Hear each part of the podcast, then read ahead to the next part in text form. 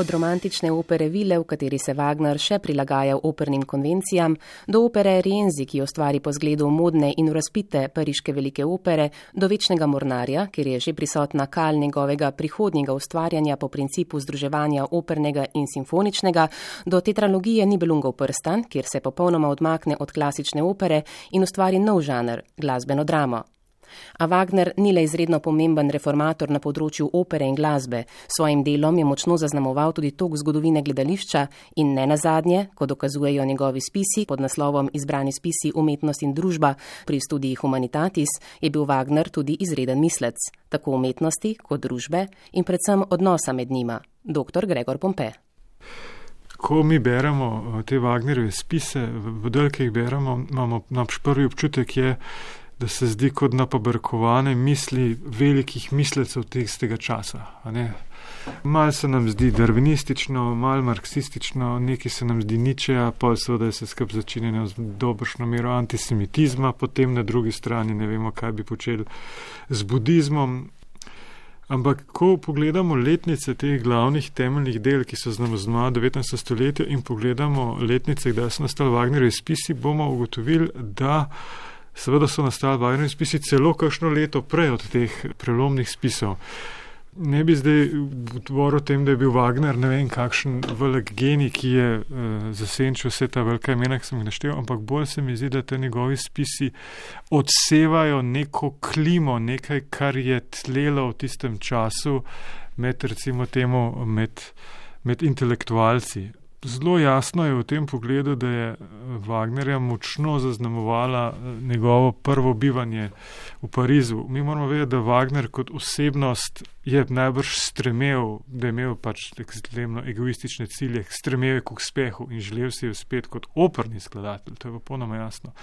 In šele ko je, to je zaveda za nas, za namce sreča, komu to ni uspelo, ne, ko se je skušal udinjati z starimi opernimi formami, komu to ni uspelo, je seveda najdel, je bil prisiljen iskati neko novo pot. Hkrati je v tem, ko estetsko ni uspel, ko si je zamišljal pač neko novo estetiko glasbenega gledališča in ker tudi ta ni bila sprejeta, je začel razmišljati o tem, ali ni to mogoče kako povezan z družbo, ki vlada. Ne. V Pariz, kamor je prišel, si je on tudi zamišljal, da bo začutil nekaj tega revolucionarnega duha, pa ni bilo. Ne. Tisto, kar je v Parizu videl, je bila predvsem neka finančno-borzniška aristokracija, ki je vladala in je vladala tudi v gledališču. Ne? In to se mi zdi, se bere tako mal, mogoče zdaj ni več tako aktualno, ampak se mi zdi tudi za naše kraje ta oligarhija začela diktirati tudi, kaj je umetnost. In seveda ta umetnost je bila po meri te oligarhije predvsem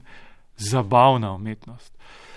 In Wagner pravzaprav eh, stopi naproti temu. In ko svojim konceptom ne uspe, ugotovi, da je treba pač zamenjati družbo. Ko se bo spremenili neki družbeni pogoji, šele te spremenjeni družbeni pogoji lahko njemu rodijo novega človeka oziroma tudi novega poslušalca, novega gledalca, ki bo razumel njegovo delo. Dialog z družbeno-političnim okoljem je opisan tudi v njegovo umetniško delo. Če zelo površno gledamo Wagnerjeva dela, mi doskrat govorimo o tem, da se sklicuje na nemško mitologijo in tako naprej, da nastopajo tam se moči škrati, čudesa in podobno. Mi moramo to, Wagner, vendar to ni to enostavno, to ni, eh, kljub mnogim podobnostim Wagnerjev, ni bilo ngo prsta, ni gospodar prstanov, ne, kljub temu, da sta te dva mita zelo podobna. Namreč pri Wagnerju gre vedno za to, da ta mit izvotli, da ga pravzaprav travestira in ga obesi z nekimi aktualnimi pomeni. Ni bilo prstan, kar je že George Bernard Shaw dobro naredil, je pravzaprav treba brati kot jasno in izrazito kritiko kapitalizma. In v drugi fazi, potem, ko, srečal, ko se je srečal tudi z Schopenhauerjevo filozofijo, ga je seveda treba brati tudi ne več tako revolucionarno, prenapeto, ampak tudi mečken pesimistično vase obrnjeno kot neko željo po begu iz tega sveta ali, ali časovnem ali v notranjem begu. Se pravi, vsi ti škrati pri Wagnerju, vsa ta navlaka mitološka je tukaj zato, da pove nekaj o aktualnem trenutku. Ne, Wagner aktualno dialogizira s svojim časom in tisto, kar je nenavadno, to je aktualno še danes. Zato se mi zdi, so prav njegova dela še danes pač močna v gledališčih.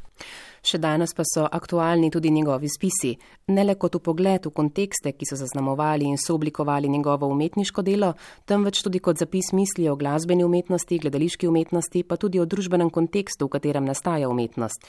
Izbrani Wagnerjevi spisi, predvsem spisa Umetnost in revolucija ter Umetnina prihodnosti, so tako zanimivi tudi kot izhodišče za razmislek o kontekstu in mehanizmih umetniške produkcije danes. Dr. Aldo Milohnič. Meni je zlasti zanimiv spis Umetnost in revolucija, ne, s katerim se začne ta izbor tekstov iz študij Humanitatis, ker je nekakšen zdaj. Morda bom mal pretiraval, ne, kar je včasih potrebno, ne, da zapopademo bistvo, ne, je nek, nekakšen komunistični manifest von der Letter. Ne. Seveda se ta njegova stališča pozneje spremenijo. Ne. Schopenhauer je bil omenjen, ne, odnos do budizma, marsikaj se spremeni ne, v poznejših spisih, ampak v tem spisu beremo nekaj, kar je pravzaprav zelo pronicljiva, odločna, trdna in celo bi rekel neizprosna analiza takratne družbe, ki ne samo, da onemogoča ne, to umetnost, za katero se je zauzemal Wagner, ampak tudi onemogoča a, neko človeka vredno življenje tistih, ki umetnost konzumirajo in tistih, ki umetnost ustvarjajo. In to se mi zdi neka zelo pomembna poanta, ki jo Wagner izpele v tem, uh, tem spisu, pa tudi najdemo fragmente tudi v drugih njegovih spisih, kaj ti zelo ostro kritizira to, kar on imenuje nekako industrializacijo, industrializacijo uh, umetnosti, umetnostne produkcije. Ne? Beseda industrializacija seveda ni uporabljena eh, kar tako. Ne? To je pač nek čas industrijske revolucije, to je čas, ki je skupaj z industrijsko revolucijo ne, prinaša tudi buržoazno družbo. Ne. Seveda imamo te zametke že prej, ampak 19. stoletje je gotovo. Vemo, da je v tem stoletju eh, so nastali tudi pomembni spisi na področju socialne misli, ne, eh, socialne filozofije, teorije. Zanimiv detajl je recimo ta, ne, da sta Wagner in Marx ne, generacijske tovariše, tako rekoč. Ne. Mislim, da se Marx rodi nekaj let po Wagnerju, mogoče 4-5 let pozneje, umreta pa istega leta. Ne. Se pravi, sta sodobnika. In uh, zdaj ne, da bi, seveda, pretir, ne želim pretiravati ne, v to smer, vendar, če izhajamo iz tega spisa Umetnostna revolucija, prepoznavamo res nekatere eh, pomembne eh, misli, ki jih potem beremo pri Marksu. Ne. Recimo to, da eh, se umetnost mora ponovno združiti z življenjem. Ne. To, da je pač umetnost se ločila od življenja, je nek. Se je zgodilo v nekem uh, zgodovinskem trenutku. To, za kar se Wagner zauzema, ne, vsaj v tej, tej fazi svoji, je ponovna združitev, ne, je vrnitev uh, umetnosti v življenje samo govori tudi o, recimo, o raznih komunitarnih, komunističnih idejah ne, v tem spisu. Ne na zadnje, tam nekje na koncu zapiše stavek, ne, ki se mi zdi izjemno uh, zanimiv in pomemben, ne, ko reče, da bi moral biti uh, dostop do umetnosti ne, brezplačen, se pravi, da, bi, da se ne bi smelo sploh prodajati vstopnic ne, za oglede, obiske uh, gledališča, ne, torej da imajo res vsi dostop do do umetnosti. In tako naprej, mislim, tukaj lahko še naštevamo veliko teh njegovih misli iz uh, tega spisa in potem, uh, pravim, najdemo fragmentarno tudi v drugih, ki kažejo na to, ne, da je imel res uh, zelo močan, razvit čut ne, za, za nek socialni moment ne, v družbi in v umetnosti. Ne. Kot vemo, je, se je zanimal Wagner tudi za anarhistične teorije, ne, Bakunina in tako naprej. Skratka, se je formiral v nekem takem duhovnem okolju. In ne na zadnje, ne, tudi v socialnem ali ekonomskem okolju, kajti to, kar je Gregor prej omenil, ne, recimo Pariz, ne, tam je on se komaj preživljal, ne, zelo težko je živel. Ne, tako da je tudi lahko na lastni koži začutil, ne, bom rekel, to bedo ne, delovskega razreda ne, v sredi 19. stoletja. Recimo, Beg pred upniki, zadolženost, bivanje na robu eksistence in v idejni sferi odklonilen odnos do vsakega razkošja. Sočasno, izrazito potrošniško naravnana narava, upetost v problematizirane produkcijske modele in kljub anarhističnim idejam, prijateljevanje s prepričanim monarhom Ludvigom II. Bavarskim, ki za Wagnerjevo ustvarjanje zapravi tudi znatni del svojega premoženja. Kako brati to dvojnost upisano tako v življenje kot v diskurs okoli Wagnerja? Ja, to znotraj samega Wagnerja je sorazmerno enostavno razložiti. Jaz mislim, da je treba kot pri vsakem umetniku najbolj človeku ločiti njegovo idejno življenje in njegovo realno življenje. Ne, Wagner v svojem realnem življenju je bil, temu bi danes rekli, grozljivi potrošnik in zapravljivec. Torej on, On sicer govori nekje v spisu umetnino prihodnosti o luksuzu, kako je to nekaj nepotrebnega, kar razstojijo ljudi. To je potreba brez potrebe, ne? to je egoistično. Ampak on je pa potreboval vsak dan novo svileno strajco. Tako da to je ta njegov um, osebni del. Je bil pravzaprav zelo nagnjen k temu potrošništvu, ampak ta njegov idejni, a ne pa očitno, bival neko drugo hitrost, neko, neko drugo realnost. Zdaj je tudi zanimivo, ne, ko ste omenili Ludvika II. Bavarskega, ne, tudi Ludvik II. Bavarski je imel neko, on je bil očaran z Wagnerjem, popolnoma nora, ne, uh, tudi ko sta se prvič srečala, če mi beremo njuna dopisovanja po telegramih, to človek, glede na to, da je bil Ludvik Bavarski verjetno homoseksualc, ima človek občutek, da je bilo tleh skoraj neka zveza ali Ludvik Bavarski zihar, uh, kakšno želje večje še.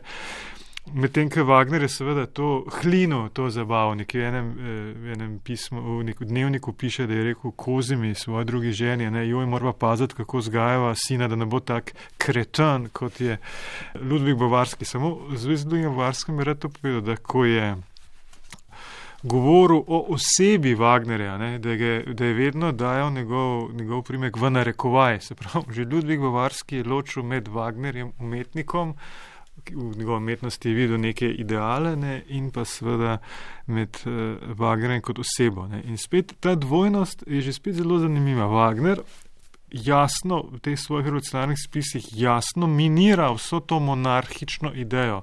Medtem ko je Ludvik Bavarski prepričani monarh, ki je prepričan, da more nekdo od zgoraj ljudem povedati, da morajo imeti dostop do umetnosti. Se pravi, to je popolnoma eh, spet skregano z lojko. Ne? Se pravi, Wagnerja podpira nek popoln monarh, točno tisti, ki bi ga Wagner najraje eh, strmoglavo. Se pravi, te dvojnosti so nekako ne vem, šifrirane v čase, šifrirane, šifrirane v tej logiki. In če pogledamo še naprej, ne, se mi zdi, da je ta odnos z Dudikom Bavarskim zelo za to dvojnost, res sprašujete, simptomatičen. Ne. Če mi obiščemo tale Ludvikov sanski grad Neuschweinstein, ne poznamo kot nek hollywoodski izdelek, Te tiste sobane, ki so že urejene, so vsaka nosi Wagner pečati, vsaka narejena po enem modelu ene izmed Wagnerjevih glasbenih dram.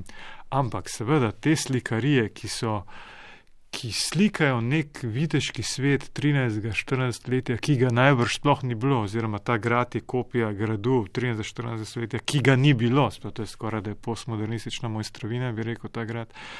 Se pravi, videl je Ludvik Varski v Wagnerju nekaj, kar tam ni bilo. Ne. Dal se je izsanjati Wagnerjev del, ki ga ni. Ne. To sta ta, ta, ta bipolarnost, ki je po mojem pri Wagnerju še danes. Ne. Še danes ta bipolarnost, ki kaže o tem, da imate Wagner fanatike in seveda tiste, ki ga dih tako fanatično odmikajo proč. Zdaj pa kar se tiče pa Barojta in teh vrst, seveda.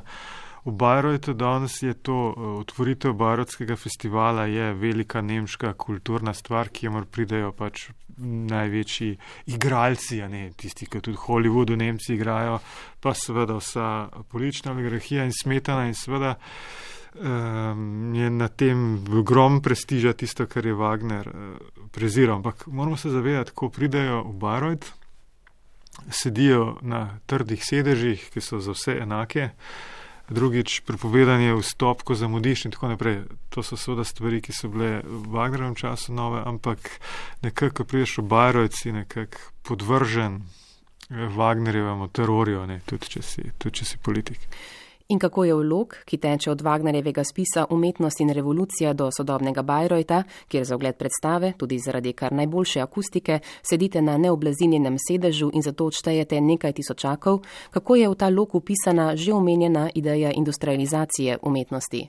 Jasno je, da se to zgodi zaradi. Ravno zaradi tega, o čemer piše Wagner ne, v, v tem spisu, ne, in to je industrializacija. Ne, v tem primeru gre seveda za kulturno industrijo. Ne.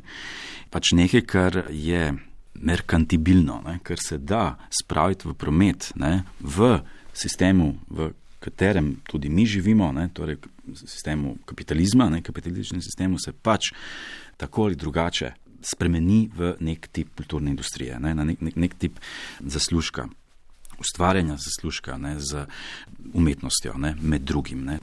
Se pravi, po eni strani imamo to kulturno industrijo, ne, ki pač gre svojo, po svojo pot ne, in uh, je meni nekaj zelo pričakovanega, ne, da, se to, da se je to zgodilo, kar se je zgodilo.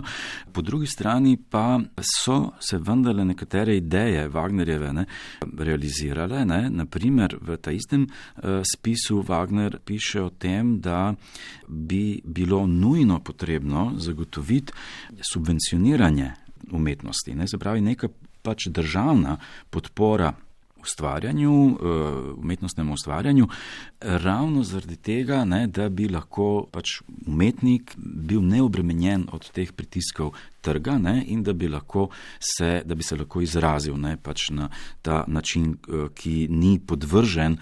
Bom rekel, blagovni, blagovni ekonomiji, ne, uh, ustvarjanju profita, zaslužka in tako naprej.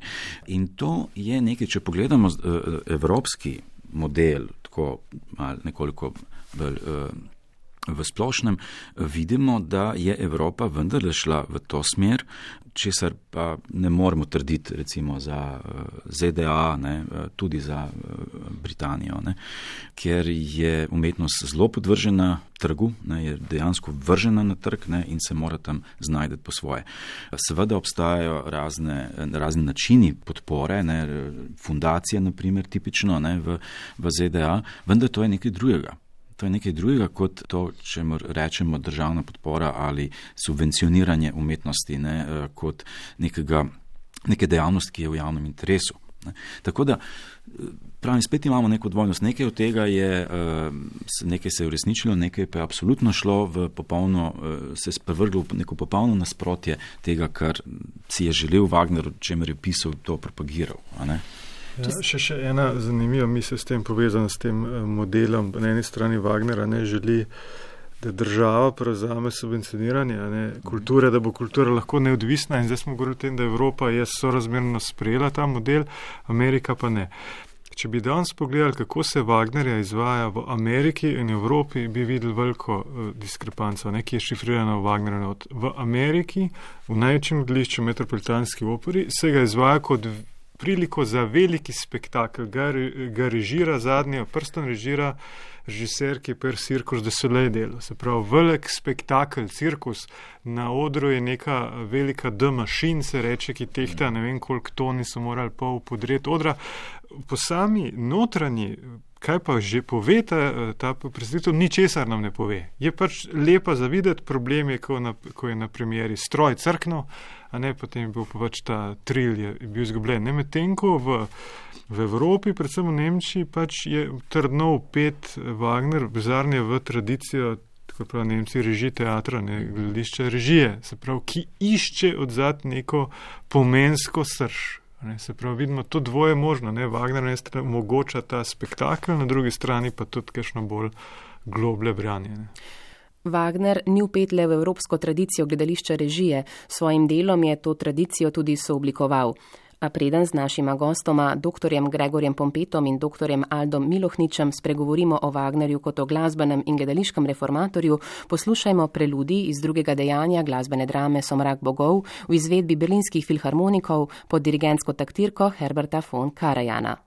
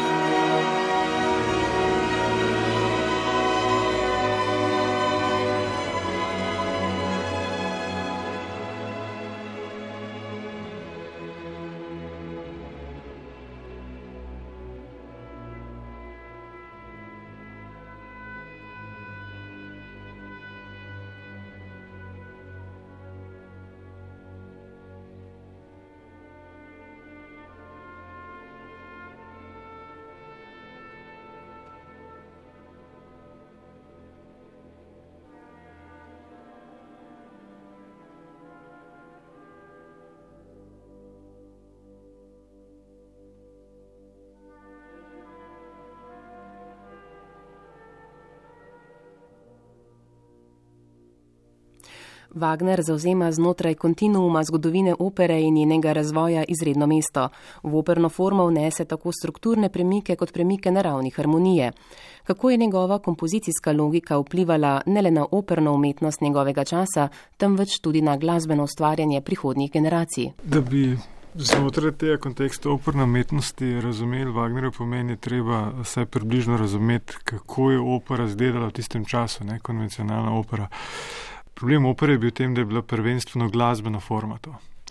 Ne, opera je bila v Wagnerjem času sestavljena iz niza zaključenih glasbenih form, točk in besedilo, libreto je moralo vedno slediti logiki teh zaključenih točk. Recimo velika arija, ki je bila namenjena prvemu pevcu, je to najprej morala biti virtuozna, drugič pa imela to strukturo, da je najprej imela nek počasen spevni del in potem hiter plesni del.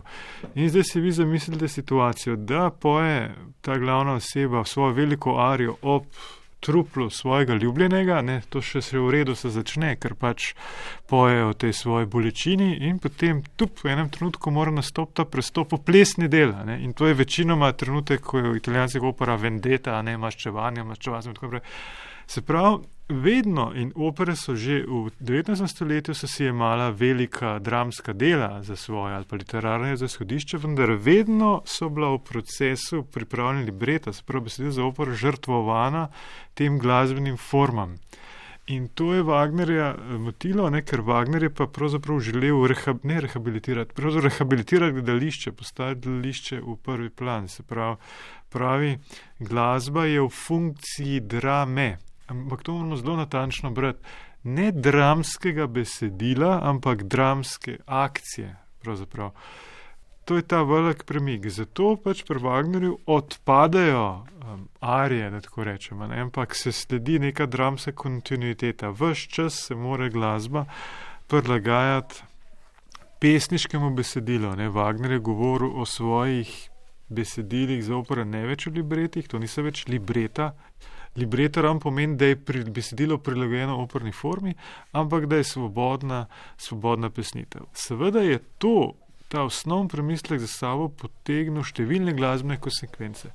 Kaj se zdaj namreč zgodi, ko poslušalec nima več pred sabo tega zaključenja niza točk? To je zdaj seveda zelo težko poslušati. Ne?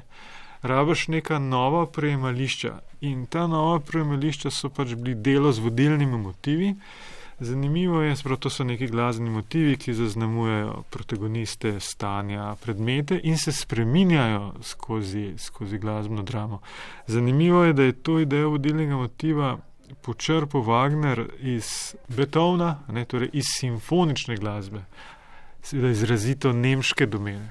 Ne. To je zanimivo, seveda to je počrpal in seveda je to za sabo potegnil tudi spremembo periodične strukturiranosti. Ne, glasba, navajeni smo, popularna glasba še danes, da je periodično strukturirana po neke enote 4-4, da se logično ponavljajo. To razpade pri Wagnerju, ta, ta ideja. Ne. In ni za te vodilne motive, ni za enega za drugega in to, to, to on imenuje večna melodija. Se pravi, na, na tej ravni se mi zdi, da je za poprečnega poslušalca Wagner lahko trd oreh, ne, razfragmentirana je forma. Eh, seveda, če si bolj poglobljen eh, poslušalec, če si greš, eh, če se nekako naučiš, če dojameš vse te vodilne motive in kako razpoznaš, kako so upeti v veliko mrežo in kako Wagner s temi motivi prepoduje stvari, nekako kot neka podzavestna, bi človek rekel, podzavestna stvar se dogaja, seveda se ti tukaj eno neko nenavadno bogatstvo razvije. Ne? Recimo, tak tipičen primer tega bogatstva motiva je ob koncu, ni bilo ga prstana, ob koncu sem raka bogov, kjer se mi zdi, da pozvanja pravzaprav motivično jedro celote in zdaj, torej glasnik bo vedel, da je to ekstremno težko koncipirati motive, motive tako, da lahko zvenijo drug nad drugim, drug ob drugim, to se pravi, in to koncipirati delo, ki traja 14 ur na ta način. Potem seveda, to so zdaj čisto take strukturni premiki, Wagner je naredil pa seveda še neke druge premike, eh, to je pa naravni harmonije. Mi ne moramo reči, da je ta ravna harmonija kakorkoli povezana z njegovim spremenjenjem gledališča ali pa soci, so, socialne ali pa družbe, to je čist njegov glasbeniški doprinos, v tem je bil izreden. Wagner pravzaprav v svojih delih, kot je Tristan Izolda in Parzifal, popolnoma prestopi tonalnost. To so, to so eh, momenti, ki jih 40 let kasneje, pravzaprav skladatelji kot je Šemberg, dosegajo. Seveda, še zmeraj je vse skupaj tonalno, ampak vendarle vmes lebdimo v nekih območjih brez brez tonalitete. Eh, o tem je bilo napisano nešteto knjiga, ne, o prvem akordu, se začne 300 nezol, da je bilo razprav neskončno. Tisto, kar je zanimivo, je, eh, ni, ni 20. stoletja glasbe brez tega. Zanimivo je tem, to, da Wagner o tem delu svojega početja nič ne razglablja. Ne. To sem se jaz vse čas sprašval, kdaj bom jaz naletel, kje je kakšen spis, kjer bo on začel bolj natančno harmonijo razlagati, eh, pa ga ne. ne. In eh, takrat mi je prišlo na misel, da pač tudi Wagner, moramo vedeti, da je ni bil, pravzaprav ni imel eh, šol glasbenik, zelo pozno se je spoznal z glasbo, on je mislil dram, dramske igre pisati. Ne, to je on je hodil v gledališče, njegov očim ali pa oče, ne vem, če je dobro, je bil gledališki igralec in slikar, on je hodil v gledališče, ne bil čisto čaran nad gledališčem, čaran je bil nad uh, grškimi tragedijami in je hotel te stvari pisati. Glasba je prišla pri 15 letih, ko mim grede in se je očitno mim grede naučil. Očitno je bil to nek skrit talent, ki, v katerem ni bilo treba kakšne velike refleksije, mu. moral pa je pač očitno razmišljati o gledališču in tako naprej. Navdihnjeni z njegovim ustvarjanjem pa so v gledališču reformatorsko razmišljali tudi številni režiserji 20. stoletja, med drugimi Apija, Craig, Meyerhold. Lahko bi rekli, da je delo Wagnerja tudi ključno za razvoj gledališča režiserja, kot ga poznamo danes. Kje so stičišča med glasbenim ustvarjanjem Wagnerja in gledališčem? Kako je Wagnerjevo delo zaznamovalo razvoj gledališke umetnosti? Ja, tukaj se da seveda veliko povedati. Ne. Wagner je bil gotovo eh, nek navdih, inspiracija ne, za mnoge, ki so mu potem sledili, zlasti v 20. stoletju, v začetku 20. stoletja, še posebej, ne, ko je nek čas pomembnih reform, ne, ki se zgodijo v, v gledališču. Seveda ta pozicija režiserja ne, je eh, nekaj, kar je izjemno eh, pomembno zaznamovala gledališče 20. stoletja. Ne mislim, da Badjo, Badju eh, v knjigi 20. stoletja govori o tem, da je gledališče umetnost 20. stoletja, pa ne zdaj zaradi tega, ker bi se na nek način posebej osamosvojilo, ampak ravno zaradi figure režiserja, ne, ki gledališču prinese neko, nek avtorski pečat, ne, nekaj, kar gre dejansko v smer tega, kar je uh, Wagner, moramo biti sicer previdni pri uporabi pojmov, ampak kar je imenoval celostna umetnina, ne, Gesamtkunstwerk.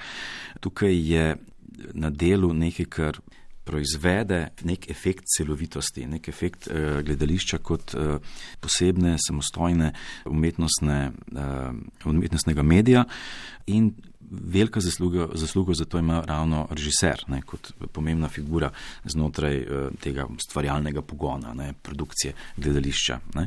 V prejšnjih časih je predstava nastajala tako, da so v glavnem tako imenovani dvojeni, ne, pač tisti igravci, ki so imeli poseben status znotraj ansambla, ne, ki so bili posebej spoštovani, uh, to so bili v glavnem neki starejši igravci, izkušeni, so poleg tega da so igrali ne, na odru, so hkrati tudi režirali. Zdaj to besedo režirali smo na radiju in težko pokažem, ne, nareko, pač narekovaje, ne bi pa jo potrebno dati v narekovaje, kajti režija kot taka, ne, kot jo mi eh, danes razumemo, je stvar 20. stoletja predvsem. Sicer imamo Meiningence, imamo pač te zgodnje pojave, ki so še stvar uh, eh, 19. stoletja ali konca 19. stoletja, vendar 20. stoletje je res, kot tukaj se pa res strinjam z Bodjujem, ne, je uh, zaznamoval režiser kot pomembna ustvarjalna avtorska figura v gledališču.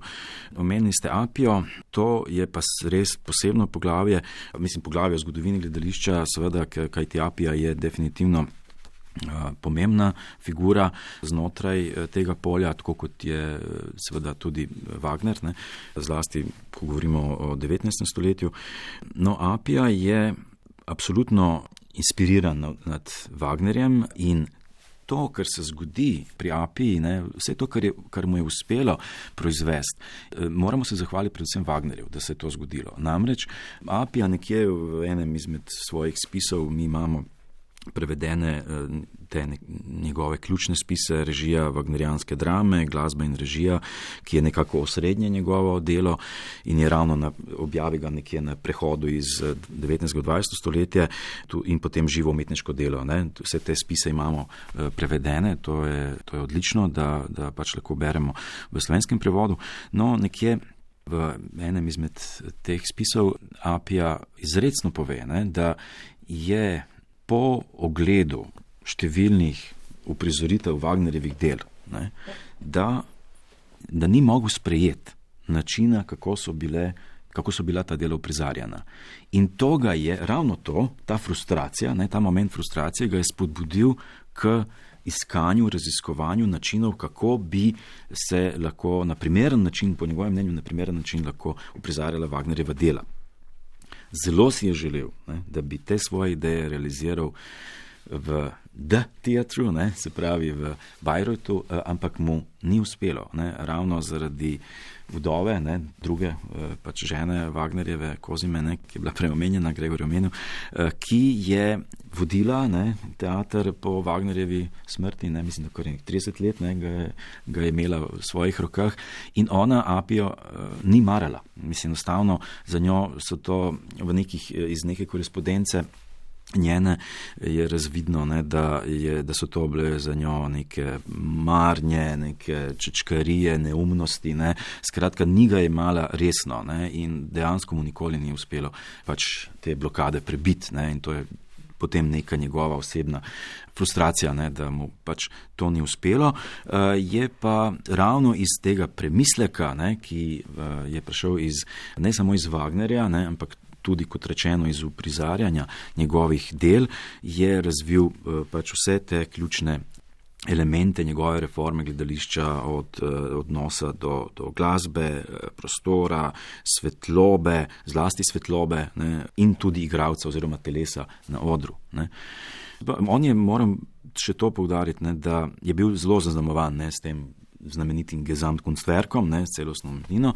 To je bil tudi del neke njegove inspiracije, nekega idejnega ozadja, vendar pa pozneje, ne, v poznih spisih, se nekako temu že odpove ne, in, in vendarle postavi glasbo na piedestal ne, in potem pove, kakorkoli že, glasba je tisto, iz česar moramo izhajati. Ne. Glasba je uh, na prvem mestu, ne, potem pa vse ostalo. V spisu Umetnina prihodnosti Wagner nekajkrat zapiše izraz celostna umetnina. Ali obstaja povezava med tako imenovano Wagnerjevo celostno umetnino in sodobnimi večmedijskimi praksami? Oziroma lahko natančneje razložite, kaj Wagner razume pod izrazom celostna umetnina? Ja, jaz mislim, da je beseda, ki je z Wagnerjem najbolj pogosto uporabljena ali pa včasih tudi zlorabljena, je ta beseda termin Gesamtkunstwerk. Slovenčno prevajamo kot celostna umetnina ta beseda se v, tele, v tem spisu umetnina prihodnosti ne dvakrat pojavi, ne, ni, ni pa spisa Wagnerjeva s tem naslovom. Zdaj veliko sodobnih praks, posebej te večmedijske, intermedijske, se zdi, da nekako črpajo iz te ideje. Ne. Čim več nekih um, čutil človeških vzdražiti ne, in poiskati tako nači, umetniški izraz.